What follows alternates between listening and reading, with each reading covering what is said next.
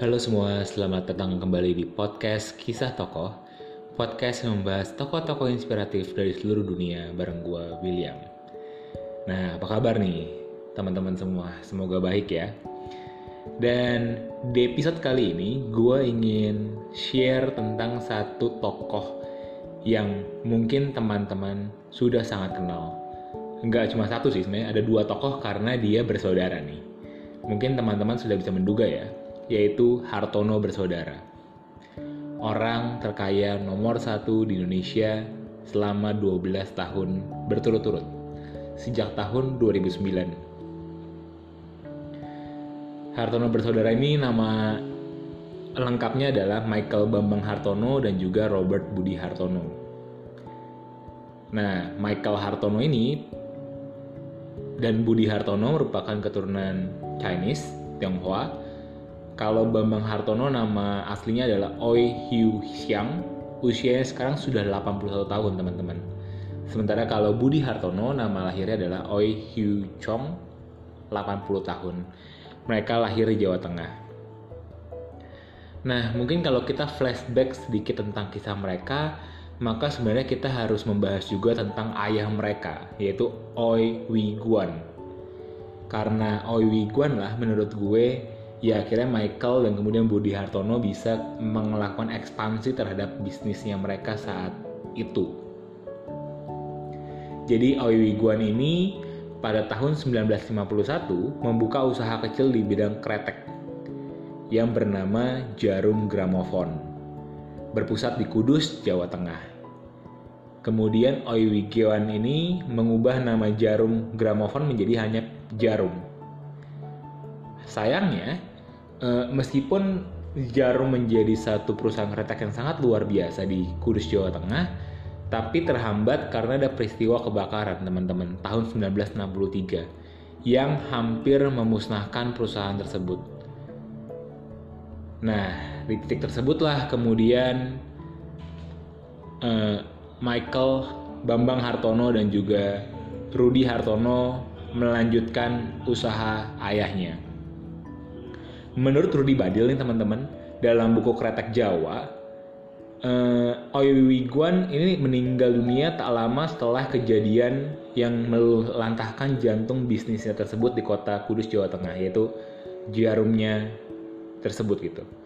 Dan Budi dan Michael kemudian tetap percaya bahwa ini jarum masih bisa berkembang ini jarum meskipun terjadi kebakaran masih bisa untuk hidup masih dapat berdetak, masih bisa mengepakkan sayap bisnis hingga ke sentero dunia.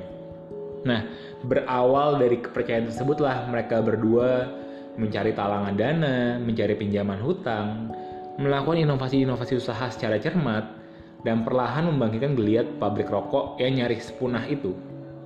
Dan lamban laun, mereka bisa bangkit, bahkan menjelma menjadi salah satu perusahaan raksasa termuka yang ada di Indonesia, yaitu PT Jarum siapa sih nggak kenal Trey Jarum gitu ya di saat sekarang ini?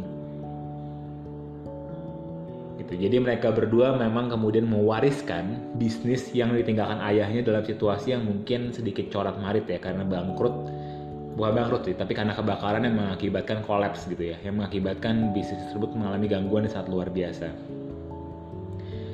Nah, Indian of the Day, kerajaan bisnis grup Jarum semakin berjaya dan mampu meraup pangsa pasar yang sangat menjanjikan. Produk rokok itu laku keras di pasaran hingga mencapai kalau PT Jarum sendiri itu mencapai 20% dari total e, jumlah rokok per tahun yang diproduksi secara nasional. Total jumlah rokok yang diproduksi nasional itu sekitar 240 miliar teman-teman. Batang rokok ya, 240 miliar batang rokok. Dan berarti Jarum sendiri itu bisa memproduksi hampir 50 miliar batang rokok per tahunnya. Nah, kok bisa sih pertanyaannya kemudian eh, Bambang Hartono dan kemudian Budi Hartono melakukan suatu terobosan yang akhirnya membuat PT Jarum kembali berjaya di tengah kesulitan yang mereka hadapi. Nah, ini ada catatan dari Mark Hanus dalam Kretek The Culture and Heritage of Indonesia's Clove Cigarettes. Doi mengatakan nih bahwa pada kala itu Bambang Hartono dan Budi Hartono itu melakukan modernisasi peralatan produksinya sesuai perkembangan teknologi pada saat itu. Membangun um, research and development, meningkatkan produktivitas dan kemudian perolehan penjualan sejak tahun 1970. Jadi kalau masa sekarang teman-teman, mungkin research dan product development yang dilakukan oleh sebuah perusahaan, apalagi dengan menggunakan teknologi, itu adalah hal yang lumrah atau luar biasa. Tapi kalau kita balik kepada masa itu, tahun 1970-an, itu mungkin adalah sebuah gebrakan yang sangat luar biasa dilakukan oleh individu ya, apalagi di Indonesia yang waktu itu mungkin negaranya masih ya negara berkembang juga sama seperti sekarang. Bahkan baru merdeka mungkin 25 tahun kali ya, kan 1970 gitu. Jadi memang ini adalah terobosan yang sangat luar biasa, inovasi yang sangat keren dan juga visioner gitu. Dan ketika tahun 1976 mereka mulai meluncurkan produk kretek filter. Dan pada tahun 1981, mereka meluncurkan jarum super yang kemudian jadi produk andalan. Jadi mereka pun berinovasi dengan produk-produk baru yang yang tentunya saja dihasilkan oleh bagian penelitian dan pengembangan produk gitu. Nah, inovasi pun terus berlanjut. Mereka ngebuat banyak produk kretek baik itu sigaret kretek tangan ataupun pakai kretek mesin gitu ya kretek tangan ada jarum 76 jarum 12 kretek mesin tentu saja teman-teman semua juga pada familiar ya iklannya sangat luar biasa banyaknya jarum super LA lights jarum mezo jarum black gitu-gitu jadi memang mereka merambah dan melakukan diversifikasi produk yang luar biasa sehingga kemudian banyak menjadikan uh, masyarakat punya opsi-opsi yang kaya untuk memilih mana kemudian kretek yang mereka gunakan. Dan bahan baku yang digunakan pun punya kualitas yang baik dan berasal dari dalam negeri. Tembakaunya bisa berasal dari Weletri, Weleri, Muntilan, Temanggung, Jember, Lombok, Madura, Bojonegoro, dan Meranggen. Sementara cengkehnya itu berasal dari Aceh, Jawa, Bali, Ambon, Manado, dan lain sebagainya. Jadi, apa ya, kalau gue bilang mungkin apa yang kemudian mereka lakukan adalah inovasi dari sisi penggunaan bahan baku yang sangat-sangat berkualitas tinggi, memaksimalkan produk-produk dalam negeri sehingga juga kemudian uh, mensejahterakan para petani, kemudian juga mampu untuk melakukan terobosan dari sisi teknologi, pengembangan dan penelitian yang sangat luar biasa dalam, dan kemudian diversifikasi produk yang sangat banyak. Meskipun ya di luar itu ini adalah kretek gitu. Ini adalah rokok gitu ya. Tapi di luar itu ini adalah inovasi bisnis sangat luar biasa. Tapi teman-teman kalau kita pelajari lebih lanjut ya sebenarnya kekayaan dari Budi dan Michael Hartono yang membawa mereka kemudian mencapai crazy rich nomor satu di Indonesia itu sebenarnya bukan PT Jarum bukan rokoknya gitu ya. Tapi karena mereka membeli saham Bank Sentral Asia atau BCA yang sebelumnya dimiliki oleh Salim Lim Xiaoyong dan dibeli pada saat masalah krisis ekonomi Asia 9798. Nah, sebenarnya gara-gara saham BCA inilah kemudian kekayaan dari Michael dan kemudian Budi Hartono sangat meningkat drastis. Di bawah bendera grup Jarum, mereka melebarkan investasi ke bidang perbankan tadi menjadi pemegang saham mayoritas di BCA dan bahkan saat ini itu kalau tidak salah mereka mempunyai saham mencapai 54,49% menjadikan mereka berdua sebagai pemilik mayoritas dari Bank BCA.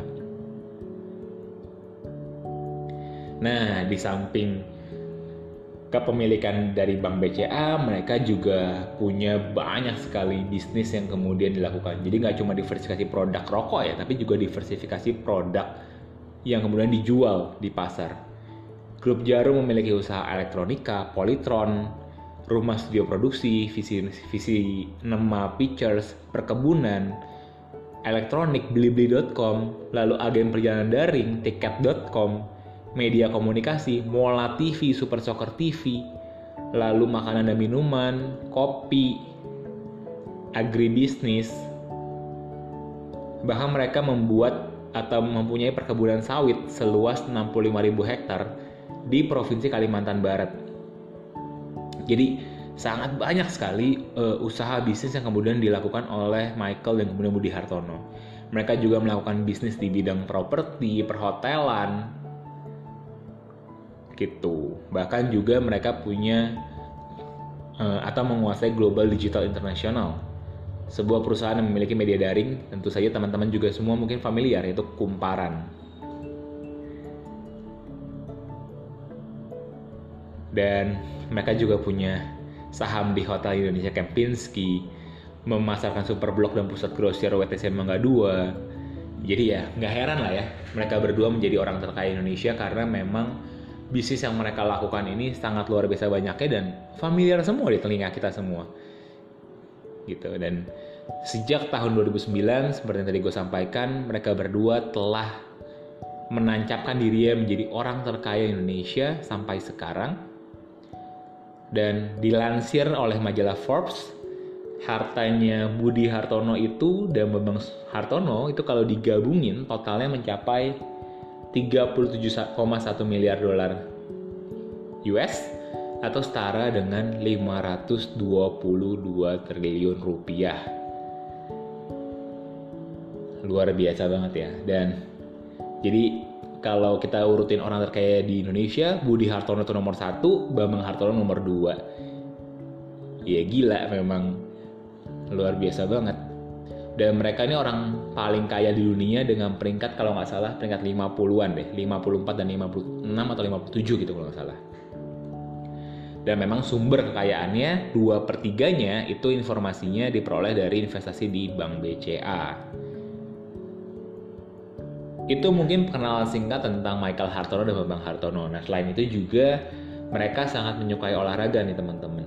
Mungkin teman-teman familiar dengan Michael Bambang Hartono yang menjadi atlet dan memenangkan medali perunggu di olahraga bridge dalam Asian Games tahun 2018 di Indonesia.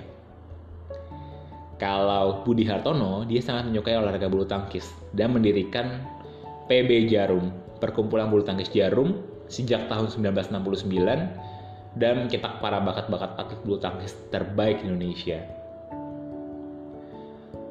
Dan ya, di tengah polemik terkait dengan industri rokok ya, mau bagaimanapun ya kiprah PT Jarum sangat besar terhadap perekonomian Indonesia. Konsumen rokok Indonesia masih tergolong sangat besar. Dan kemudian PT Jarum juga jadi salah satu penyumbang pajak terbesar Indonesia. Gitu. Di samping terlepas dari rokoknya ya teman-teman, PT Jarum juga mempunyai banyak program CSR bagi masyarakat dan lingkungannya.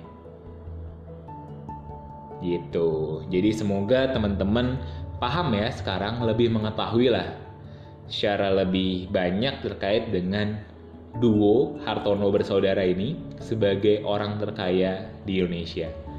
Dan semoga informasi ini juga bisa bermanfaat ya untuk teman-teman memperoleh pengetahuan baru. Dan kalau gitu, eh, gue William, see you in the next episode untuk teman-teman podcast kisah toko semua.